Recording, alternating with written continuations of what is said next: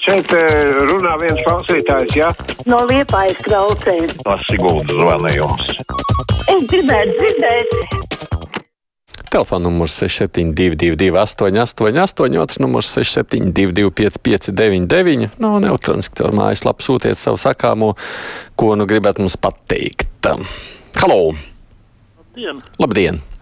Pagājušo gadu novembrī pagāja simts gadi. Kopš Baptistu sludinātājs Jānis Inķis no Rīgas Mateja draudzes aizvilināja uz Brazīliju 2000 latviešu.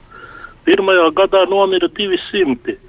Kā šo pasākumu vērtēt? Vai tā bija masu psihoze, neirolingvistiskā programmēšana vai vēl kaut kas, bet katrā ziņā tas bija viens no neģēlīgākajiem reliģisko ekstrēmistu nodarījumiem. Kādas jūsu viedokļi?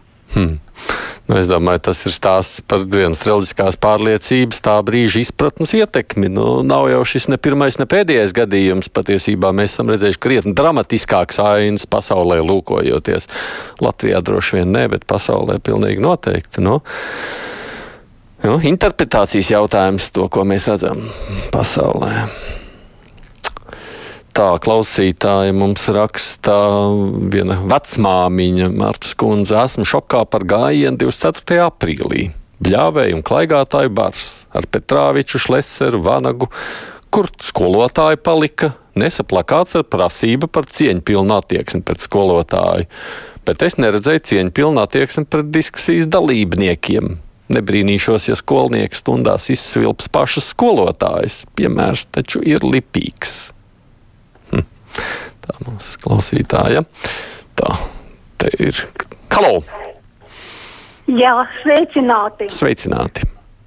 Es pa gribēju pateikt tikai par prezidenta būšanām. Pīlēns savā uh, intervijā, kur bija šī laikrakstā, kas jauns, ja? viņš ļoti priecājās, viņam ļoti patīk krievu valoda, viņam ļoti sajūsmina krievu māksla, Un kur tad paliek latviešu valoda un latviešu māksla, kur, pa kuru cīnās visu laiku mūsu levīts? Mm -hmm. no, labi. Droši vien jau redzēsim, cik šis arguments būs beig beigās izšķirošs arī, kad deputāti balsos. Ēriks raksta, cim redzot par sportu. Vakar LBL spēlē Vanspēlī bija vajadzība skatīt video ierakstu, bet vienīgā kamera ir tribīņu 18. rindā.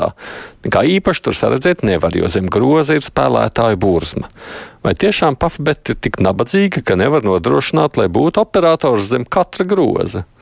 Uz mačiem par cīņām uz fināliem jau nu varēja naudiņu atrast. Spēļu zālēs tiekot nospēlēts liels naudas summas, nu padalieties ar LBL.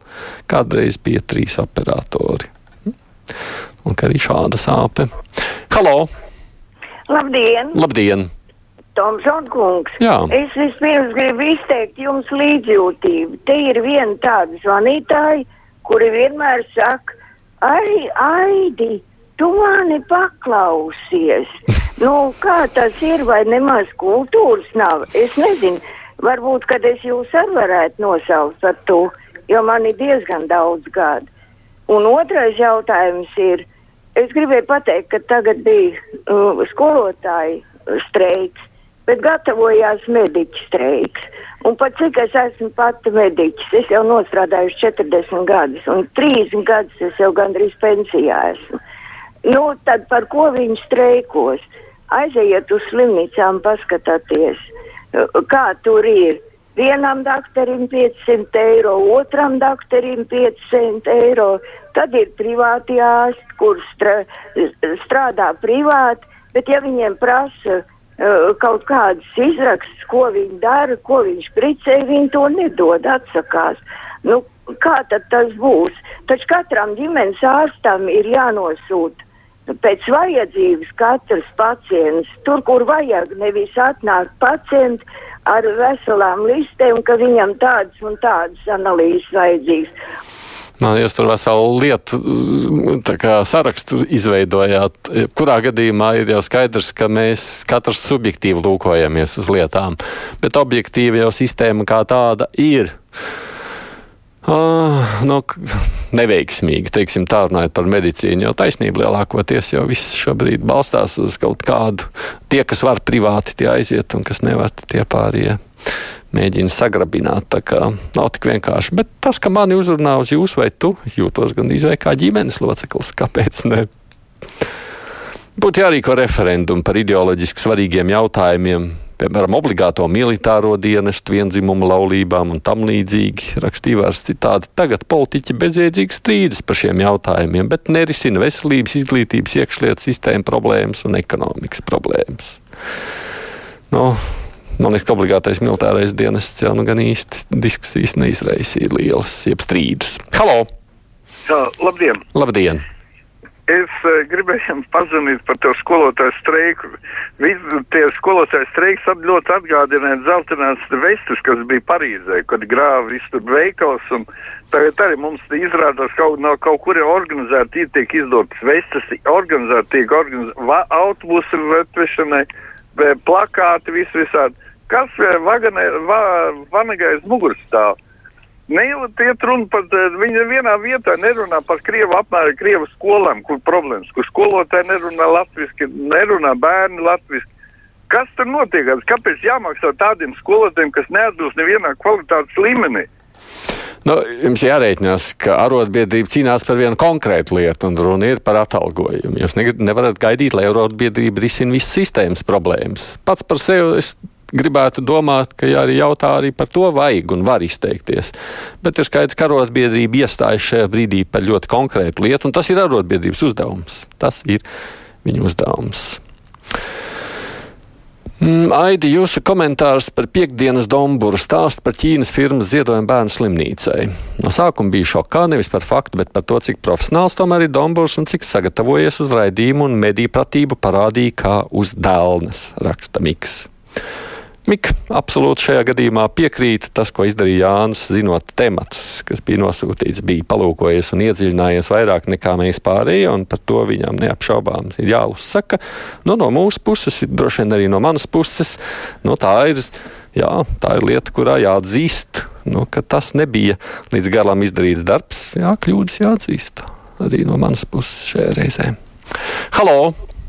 Labdien! Labdien! Es ar sakarā ar prezidenta vēlēšanām. Es tomēr esmu pa, obligāti par Levitu, jo mēs jau nezinām, kā beigsies karš un kādas pēc tam būs problēmas, starptautiskos jautājumus un tā tālāk. Es domāju, tur Levis būtu ļoti noderīgs par starptautiskiem jautājumiem.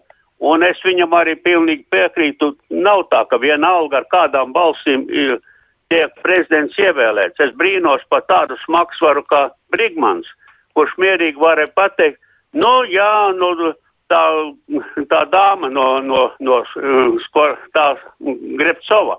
Tā vienalga viņu ievēlējuši Latvijas pilsoņi, jā, Latvijas pilsoņi ir ievēlējuši.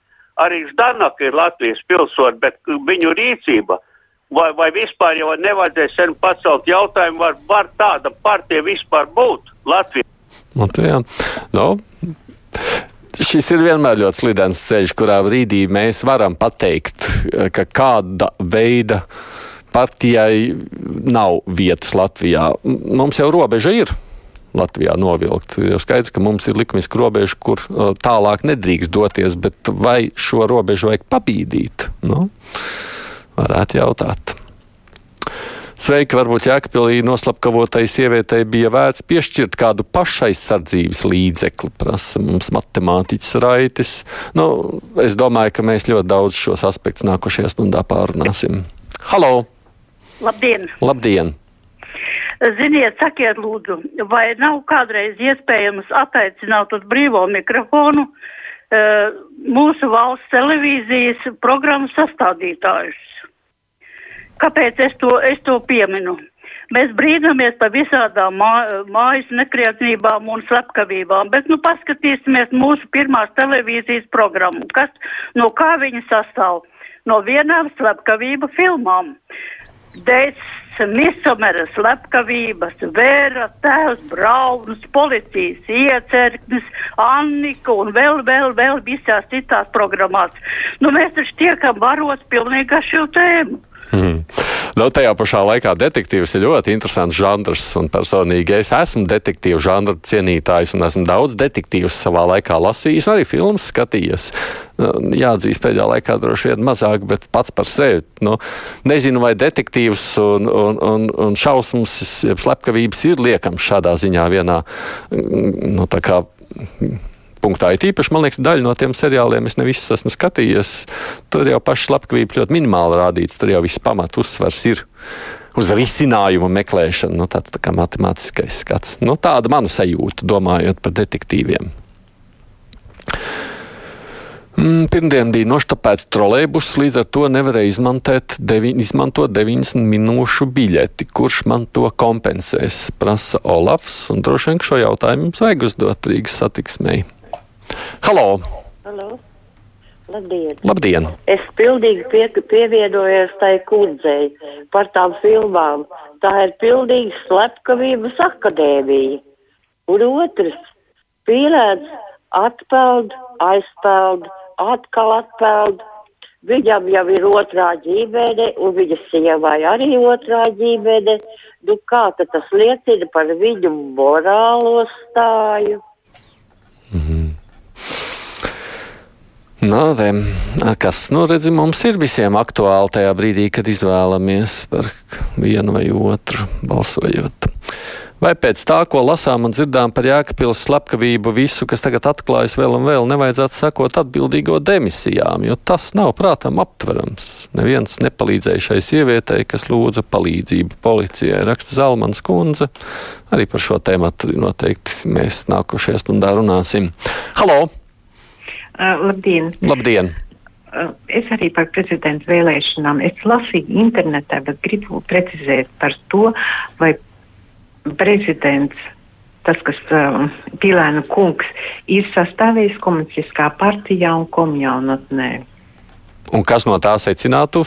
Ko jūs secināt? Nu, es domāju to, ka, nu, uh, ja ir bijis komjautnē partija, partija, un tagad, kā dzirdēju, vēl teica, ka viņam interesē Krievu māksla, vai tā nav slidena taka. Mm -hmm.